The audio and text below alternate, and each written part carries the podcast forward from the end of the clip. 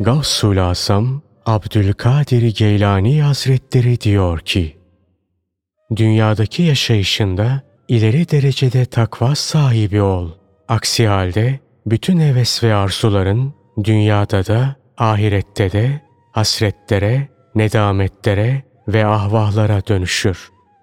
Paranın büyüğü cehennemhanedir. Küçüğü de hüzünhanedir, kederhanedir. Hele hele onları haramdan kazanıp harama sarf ettiysen, benim bugün söylediklerim sana yarın aşikar olacaktır. Fakat sen bugün körsün, sağırsın. Hiç işitmediniz mi?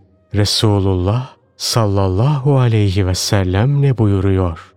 Bir şeyi sevmen onun hakkında seni kör ve sağır yapar.